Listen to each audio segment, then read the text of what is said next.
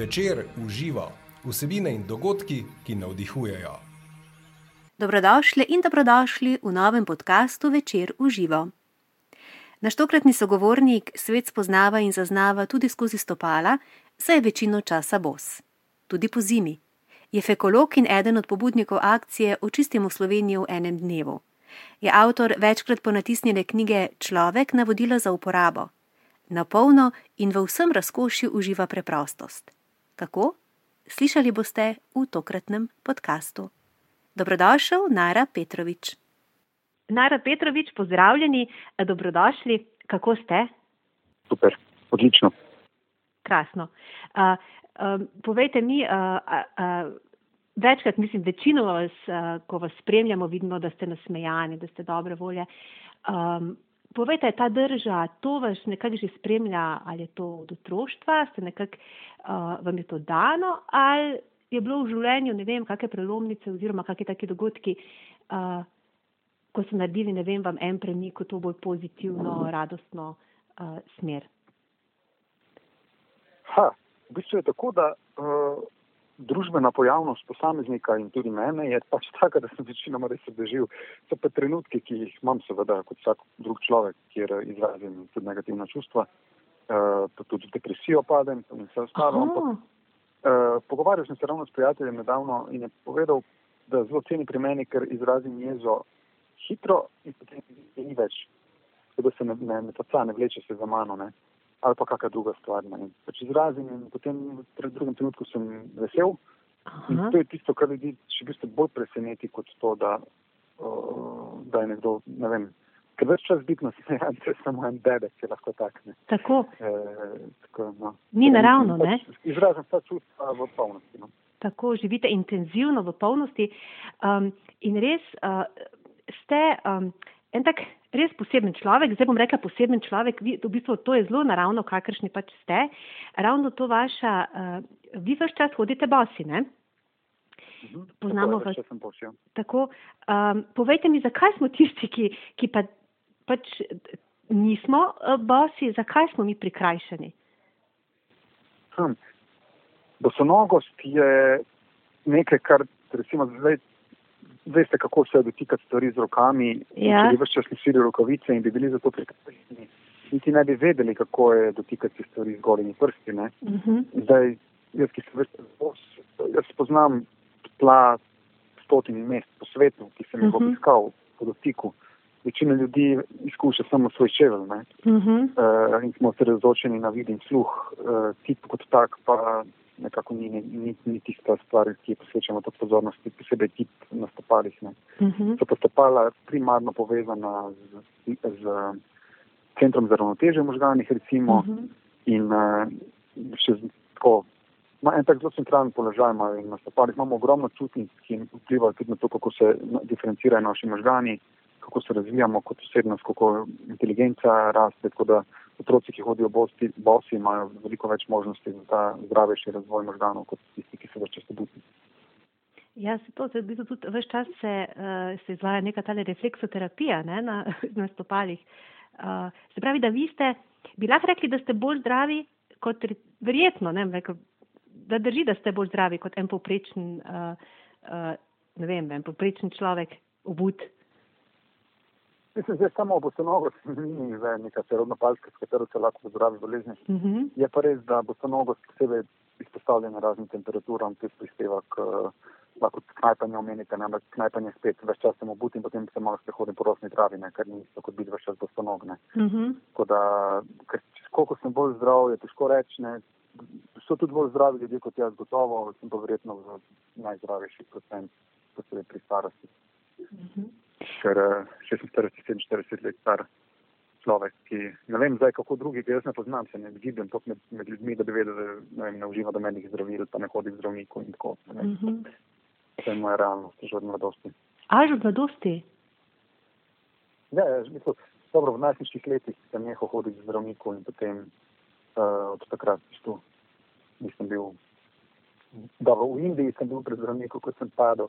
A bolj tako. Bil na vlaku in urgentno. sem pač moral iti na drugače, pa ja, na urgentne stvari, ja, drugače ne. Uh, Nara, kako pa vi sicer to, to dobro počutje vzdržujete, neko radost ali pa neko tak, neko, um, ta nek pozitiv, pozitivno odnos do življenja? Um, kaj je tisto, kar. Jaz, jaz, jaz sem v bistvu, jaz sebi pravim, um, jaz sebi pravim um, pesimist. Pesimist. Ampak tak, uh, pesimist z eno, z enim, um, uh, kako se temu reče, že no, uh, šaljivi pesimist, ne, kar pomeni. V bistvu tako pričakujem, da bo vse slabo in potem, v bistvu, če se izkaže, da je slabo, potem uh, se me upravi, če pa se izkaže, da je dobro, pa sem lepo prijetno presenečen. Ker svet je v zelo takem čudnem stanju danes ne, in nič nenavadnega, nič pride, kazi katastrofe. Ne ampak takrat jih lahko opazujem brez obremenitev. Ne? Če pa se lepe stvari zgodijo, pa, uh, pa jih tudi zajamem s polno žnico. No? Tudi ni, ni, da bi bežal pred slabimi stvarmi, niti uh, dobrih, dobre stvari pa. Ja, objamem jih, zajamem jih, spremem jih, uživam jih. Ste fekolog in eden od pobudnikov projekta Učistimo Slovenijo v enem dnevu. Za podobne projekte usposabljate tudi posameznike po svetu. Uh, ustanovili ste tudi skupnost Sončni griči Istre, kjer negujete tako imenovano razkošno preprostost. Zakaj gre? Uh, v konceptu lete pravite pa, da ste torej tudi popoln potrošnik, večina nas pa je potratnikov. Zanima me tudi, kaj to pomeni. Zdaj, jaz se hecam s tem, ne? ker ko ljudje pridajo, pa vidijo, da kako živim, si reče, pa si ti nisi potrošnik, si nič ne kupuješ. Ne? In dejansko, recimo, oblačil nisem kupil, ne vem, kdaj kupim kaj, ker vedno kaj dobim, pa kakšno malenkost kupim, pa mi traja 10-15 let, tako da zelo malo stvari porabim. Uh Mhm. -huh. Kar reko rečem, da sem popoln potrošnik, govorim v smislu tega, da bi stvar porabim do konca. Ne? Kupim ali pa dobim, porabim do konca in potem še vedno še uporabim za, vem, za vestirko, za navrt ali pa za, za kakšne tunje za, za brisanje in podobno. To je ta popolno, popolno potrošništvo. Razkošna preprostost je pa filozofija, pri kateri eh, si v polnosti privoščim uživati v tem, kar imam, namesto da vse čas sanjarim o nekih drugih stvareh, ki jih nimam in sem depresiven zaradi tega, ker uh -huh. nimam novega telefona, ali pa novega računalnika, ali pa nove neke igralne konzole, ali karkoli takega. Ker je toliko stvari okrog mene, kot lahko uživam, eh, da zakaj bi se zdaj prikrajševal za ta užitek in je res na, na, na, na dotiku roke, ne tik pred mano uh, in samega sebe spravljam slabo voljo, zato ker nimam ničesar drugega. Ne. In uh, razkošna preprostost pomeni v bistvu živeti preprosto, seveda, ne, in v tej preprostosti najti razkošje.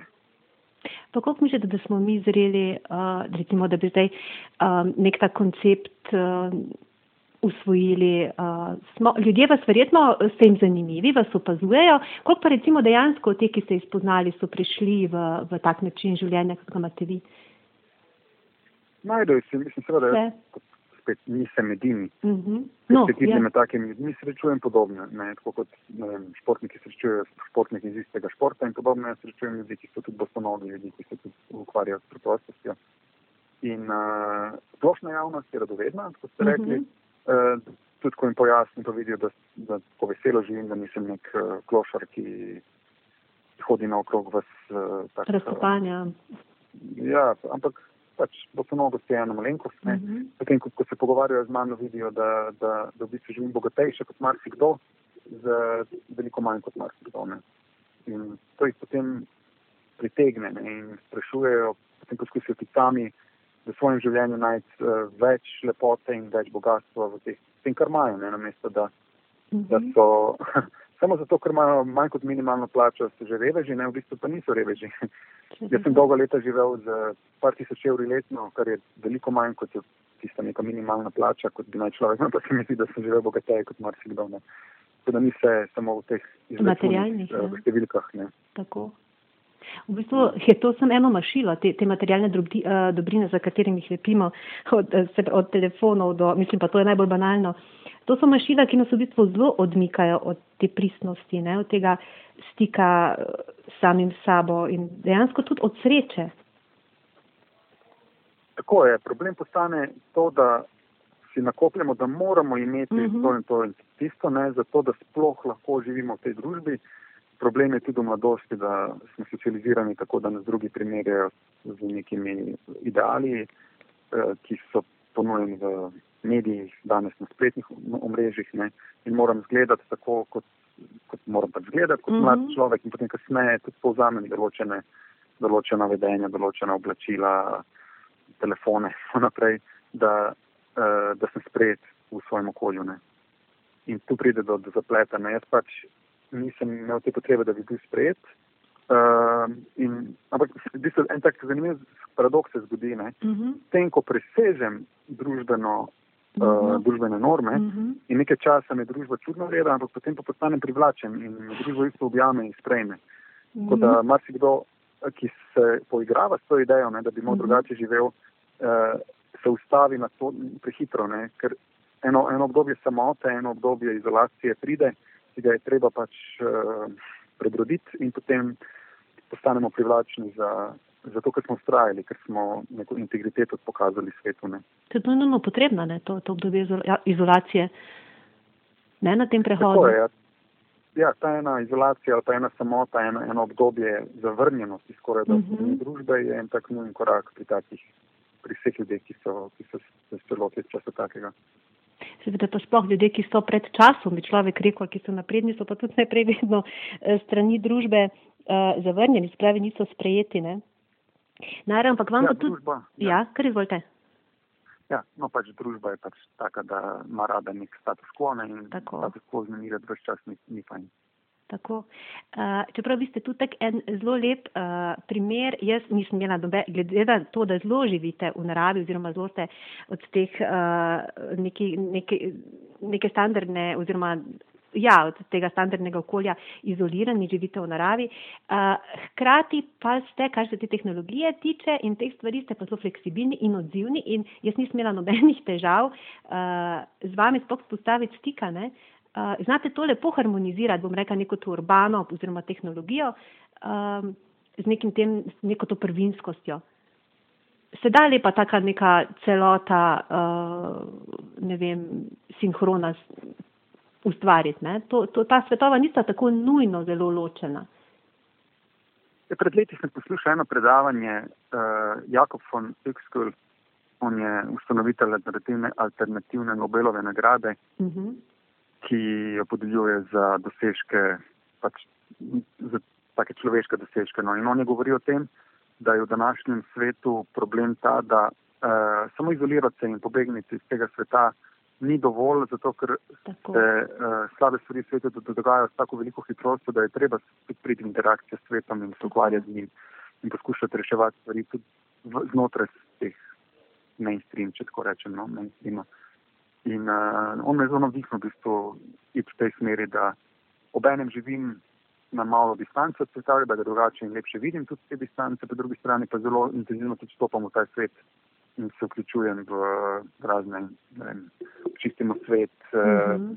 zdaj delujem recimo kot raziskovalni asistent v mreži Ecolis, mm -hmm. ki se ukvarja z skupnostno vodenimi projekti eh, na, na evropski ravni, tudi v interakciji z, z Brusijem ne vem, pošljem kak mail poslancem v Evropskem parlamentu in tako naprej. Sem ob enem ja. v, v divini, po drugi strani pa sem tesno povezan tudi s tem svetom. Kako se pa odzivajo? Rekli ste, da pošiljate uh, poslancem uh, v Evropskem parlamentu razne kontakte oziroma ideje, projekte. Kakšni so odzivi? V bistvu se prijazno odzovejo. Uh -huh. Smo imeli v bistvu eno, en, en dogodek spletni in sem nagovoril naše evropske poslance, zato ker se je dogajalo iz Bruslja uh mhm. -huh. in so se trije prijazno odzvali. Uh, ena, ena poslanka se je tudi vključila v dogodek, tako da uh, potem pa pač v bistvu jaz ne ohranjam nujno vedno stika z njimi direktno, ker potem naša ekipa, ki se ukvarja z politikami, ne oni potem skrbijo, zato jaz sem pač postavil prvi stik. Ne. Uh. -huh. Se tako ponovadi razdelimo, da kdo je iz določene države, potem tudi lažje v svojem jeziku komunicira z njimi. Uh, smo pa predstavniki večine evropskih držav, tako da si lahko privoščimo tudi to, da komuniciramo uh, pač v različnih jezikih. Uh mhm. -huh. To zanimanje je, ne? Vi, uh, Mika, Ja, je to bilo zabavno. 2012 sem, sem dobil bos v, Evropskem parlamentu. Ja. Dobro, najprej sem bil v Bruslju, ni bil problem, v Strasburu pa so nadelali težave, eh, ker sem bil bos in so rekli, da ne smem. Potem pa sva z uh, svetovalko uh, tega poslanca, ki nas je gostil, sva uspela jih pripričati in sem bil tam štiri dni zbirali podpise za, za eno pisno deklaracijo. Ne. Tako da sem imel tudi take uh, prigode. Ja. Sicer pa ne, zakon nam, da še to malo razčistiti, zakon nam ne prepoveduje, da bi uh, v bistvu mi lahko v kakršen koli prostor vstopamo bosi. To naj ne bi bil problem, ne? Če, če živimo ne bi tako. smelo biti problem. Ja, Iz, izziv se pojavi, ker ljudje mislijo, da, Ja, je to, ja. ali pa mislijo, da se bo človek poškodoval, ali pa mislijo, da, da bo vse nehigijensko in tako naprej. V bistvu Mhm. pa jaz si večkrat noge operem, kot si vsak svoje čevlje operem, če, če smo pri tem. No. bravo. Pa, uh, ne vem, nobenih glivic ne morem imeti, zato ker pač uh, imam noge stalno na zraku, ne. človek v, čevljih dobi glivice. Um, moje stopala, moji podplati so čvrstejši kot pri marsikomu, če ima nekaj ne, japonka ali kaj podobnega. Mhm. Mm -hmm. Tisti podplati včasih tanjši od mojih stopal. Pa še navajen sem in sem bil bolj pozoren in se ne poškodujem. Ampak ljudje ne vejo tega in potem mislijo, aha, ta človek se bo poškodoval in potem recimo meni ali pa drugim bosonokcem hoče preprečiti vstop v določene prostore. Ne. Mhm. In včasih tudi preprečijo. Ne. Tako da se mi je zgodilo, vem, v večini držav, v večini držav je bilo ok. Ne. Uh, v Romuniji sem imel recimo na vlaku težavo malo s prevodnikom, v Makedoniji vstop v cerkev, No, saj to so pa recimo krajni v Španiji ja. vstop na železniško postajo. Aha. Takšni primeri. No. Ampak se da, ne. Namera, če nam, ko je namera dobra, uh, vse gre skozi, ne. Mislim, sploh. Je pa tudi odvisno, v kakšnem okolju sem. Recimo, če sem povabljen gost, na te potem sem tudi z ljudmi, ki mi, ki mi odprejo vrata nekako in potem, ko sem nekaj časa z njimi, potem drugi tudi vidijo, da njih ne motim in potem je čisto drugačen odnos do mene. Um, če pa pridem čisto sam v neko novo okolje in recimo na letališčih, zna biti včasih kak problem, čeprav večinoma ni problem, no. Mhm. Včasih, včasih. Zgodi. Tako da, če- treba se pa navaditi, ne, zato sem drugačen. Eh, popolnoma razumem te ljudi, jaz ne nastopam sploh za ono, pa kva pa delate, ker ste neumni. Ne. Mhm. Popolnoma razumem, da sem jaz v bistvu čuden in da oni reagirajo povsem naravno. Ne. Pač poskušam potem iz tega razumevanja se z njimi pogovoriti, če se da, če se pa ne da, pa imam v primeru, da moram iti na letalo recimo, ali pa na nek, eh, nek dogodek, potem si bom pač sečelje nataknil, za, za to, da pridem mimo te osebe, ki, ki ne razume. Ne. Ja. In kako se takrat počutite, če recimo pride do takega momenta? Odvisno, ne? če se človek normalno pogovarja in je pojasnil v redu, če pa se Mhm. začnejo dreti name, ali pa začnejo biti agresivni, ali pa me, me potiskajo kot, ali pa me začnejo groziti in podobno, takrat pa se ne to. dobro, ne seveda. Poskušam se pogovoriti, ampak če mi gre, se ali umaknem, ali pa se podredim, ne, enostavno nima druge izbire. Se pravi, mirnejša pot, ne, taka, taka. Ja, tako. Tako. Nara, zdaj pa čisto eno konkretno vprašanje. Uh, zima se bliža, vi ste tudi po zimi ste bosi, ne? Um, Večino časa, ja. večino časa. Uh, se- pravi, da eh, se lahko prehladite, no, oziroma ne vem, eh, ljudje, ki si po zimi pa sploh radi, jaz rabim recimo dvojne, trojne zokne in čevlje in eh, skibucke in vse živo in si sploh ne znam predstavljati um, tega, kako vam to uspeva, da ste bosi in vas res nikoli vas ne zebe. To je tak res dober primer. Jaz sem imel vedno dvojne, trojne štupe, pa Tudi, kibuce in vse živo in Ah. komaj zmrzoval, vedno mrzle noge, katastrofa. ja, uh, vedno mrzle noge, ne stopate. In uh, odkar sem se sezel, nimam več nobenih težav s stopali. Nikoli me ne zebe. Uh, res, prav, dobro, včasih se tam pohodim, pa si ga moram dati uh, raztežnost problema s stopali, ne. Ja. Na brcnem in podobno, ampak se res se zgodi. Uh, Medtem ko prej, kot pravim, vedno zmrzljiv, ja, uh, ko sem se sezel, pa se je v bistvu zgodilo to, kar po mojem bi se zgodilo, recimo, nikoli ne nosimo rokavic, uh, razen ko je res mraza, ne. mhm, Je tako. No, in zdaj, če bi mi več čas nočili rokavice dvojne trojne, potem bi nas tudi roke stalno zdaj. ja, res je. Roke so isto kot noge v končinah, ki so naravno hladnejše kot trup. Se isto s kapo, ne? Ja, isto, ja kapa je isto, če, če imamo stalno na glavi, potem se telo navadi, da je glava biti toplejša, ampak spustimo zdaj po končine, ne, v končine Mhm. so bistvena stvar. Mhm. Torej, prsti na, na rokah, pa prsti na nogah so najhladnejši del telesa, ko je mraz, recimo. Mhm. In zdaj, ko mi, mi, mi pa stopalo stalno imamo na toplem, ne, in uh, eno študijo sem bral, kjer so primerjali, v bistvu, kolikšna je temperatura v čevlju in poprečna temperatura pri gibanju je bila nad 39 stopinj. Kar pomeni, da se stopala večino časa pregreta In potem nič čudnega ni v bistvu, da, da uh, imamo potrebo stalno stopala ohranjati pretopla. Ne. Če pogledate otroka, dojenčka, mu oblačajo tistega pajacka ne, uh. -huh. in niti mu ne pusti stopalom dihati, ampak ima stopala že oblečena. Ne. Potem mogoče otrok tudi joka, zato mu je vroče, ne, stopala pa.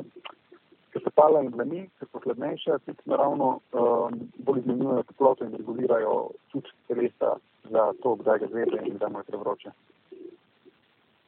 Evo, o, to je pa zdaj en tak, kar me je kar presenetilo, hkrati pa me ni tole, da ste tudi vi imeli podobne težave. Um, prej. prej, prej, se pravim, prej, prej, ja. Prej. Um, Nara, uh, ste tudi avtor knjige, človek navodila za uporabo, zdaj že gre peti ponatis, je bil narejen? Ja, peti, šesti, se niti ne vem več. Ne. Aha, peti, šesti. Tak, uh, tak zelo močen, zgovoren naslov. Uh, ko bi si človek mislil, da um, biti človek je pač nekaj najbolj naravnega, oziroma uh, kaj, kaj v bistvu povejte nam, kak, eh, zakaj um, se bi mogli tega naučiti, oziroma um, ja, te neke najbolj primarne, najbolj primarne veščine ali pa um, razumevanja ali pa vedenja, kako biti človek, kako biti človeški, um, kje smo izgubili to, ta, ta občutek ali pa to vedenje? Kaj se je zgodilo? Zgodilo se je to, da smo sledili temu, kar so vse kulture sveta sledile od, od uh, začetka človeštva na davnih, davnih let. In sicer to, da smo se izometničili zato, da se ločimo od narave. Začelo se je z raznimi navadami, obredi, uh, okraski, ki so potem vse bolj kompleksni in kompleksni postajali. In na koncu smo postali to, kar smo, socializirana bitja v sodobni civilizaciji.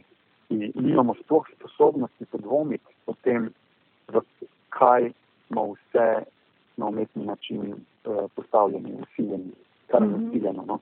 In uh, tako da vrniti se nazaj do človeštva je eno tako lupljenje čebule, uh -huh. ki nima konca.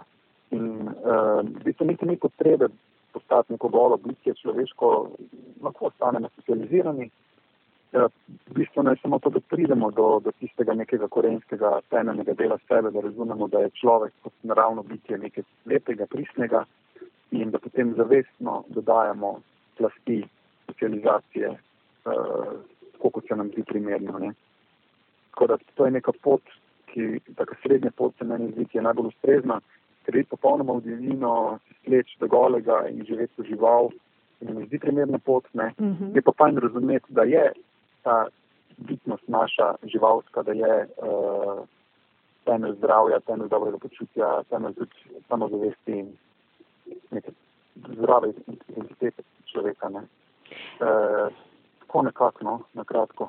Nara, pa kak lahko recimo zdaj uh, posameznik prihaja, kak način je, na kak način lahko prihaja do to, te svoje srčike uh, um, človečnosti oziroma člo, ja, bolj človečnosti. Uh, na kak način se lahko Eden od skrajnih načinov je, da, gremo res divino, tako ste rekli, kar sicer mogoče ni ja. najbolj primerno, je zelo ekstremno. Kaj pa ne vem, vsak dan jaz, ne vem, naši poslušalci. Um, vsak dan, ko se da delati, v bistvu, ključna stvar, ki jo je treba zaznati pri sebi, ja. je reakcija, ki se nam zgodi v nas na naravna vedenja in naravne dejavnike. Ja. Recimo, ko, uh, kako povem, si predstavljate, da vzamete deževnika, ga date v usta in pojeste? Ne. Ne morete si predstavljati, da se zgodi, ne? ja. In podobna stvar je, zdaj, če se vrnem na to bolj preprosto stvar, iti bos po, po, po mestu ali priti uh -huh. bos v službo, je tudi ono, hm, tega pa ne bi, ne? Ja. Ker pri, pri, pri drugem je drugačen občutek kot pri prvem. Pri prvem je to zelo primarni čut, od tega pa jaz ne bi mogel narediti, to je tudi uh -huh. gnusno, ne? To je tudi socializirana stvar. Ja. Marsi, ki po svetu je, črva je, da je že nekaj podobne stvari in tam je to delikatesa, ne? oni so z veseljem, da je usta. Ne? Ja. Mi se tega ne moramo predstavljati, ampak to ne pomeni, da ta stvar, to je stvar, samo nekaj, kar je kulturno nam pogojeno. Ne? Lani, ko sem bil predlani, no? ko sem bil na Kitajskem, si rekel, vse bom probal, da ni važno, da sem vegetarijan, kaj sem pojedel, bom žabo in vse, kar so mi postregli. Res. Eh, ravno tudi, tudi zato, da presežem eh, notranje, te, kako bi rekel, zavore, ne, uh -huh.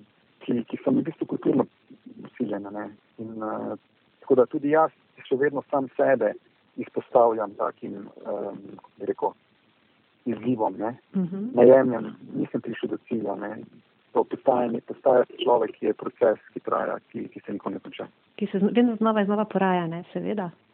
Ja, ampak to, ključno je to preseganje ja. eh, notranjega gnusa, notranjega odpora do določenih stvari, ki so popolnoma naravno človeške. Ne?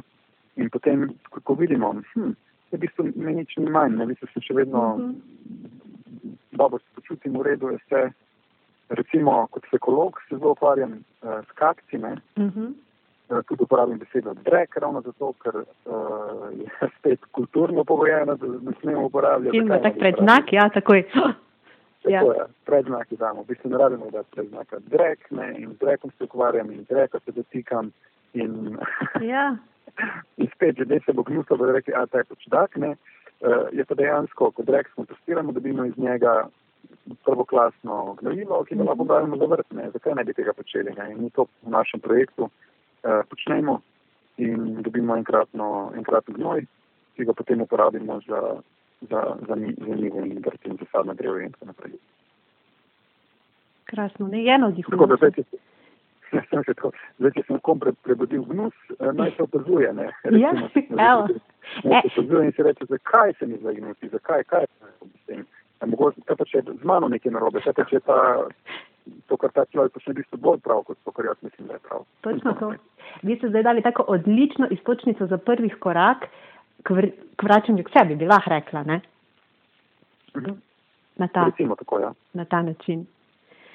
Jo, je res navdihujoč, tak um, prijeten sogovornik ste, Nara. Um, zdaj pa, uh,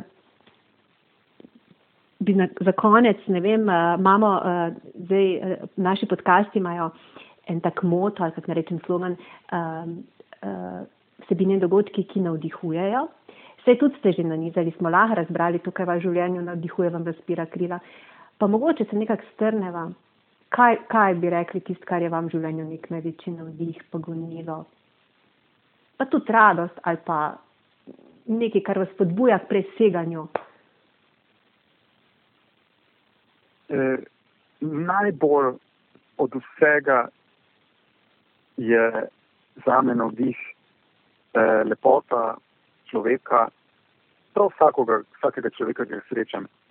Ker eh, ne glede na to, koliko teh lupin eh, vsaka čebula mm -hmm. na mhm. vsakem človeku nosi, je v sredici res nekaj lepega. In, eh, če se lepo trudim, da prisluhnem ljudem in jih, in, jih, in jih dobro spoznam in razumem celotni njihov kontekst, v katerem živijo, je zadaj vedno nekaj lepega. Ne. Kot je rekel, pozabil sem že avtorja, ampak eh, nekdo je rekel, ne moreš sovražiti človeka, če ga zgodbo poznaš. Okay. In, in zgodbe ljudi so res nekaj navdihujočega. Tako da imeti čas in poslušati ljudi, posebej take, do katerih imamo predsotke, ne, pa, uh -huh. uh, si mislimo, da so kaj že kaj ne. Uh, potem, če res, če jim res prisluhnemo, razumemo zadje in vidimo nekaj lepega v tem. No, to je pa tak zaključek, da imam jaz kar mravljince. ja, hvala. Več informacij o podcastih in o dogodkih večer v živo najdete na spletnem naslovu trikratvojnivevecr.com poševnica v živo. Tudi tokrat sem bila z vami Maja Furman, srčno in srečno, dok malu.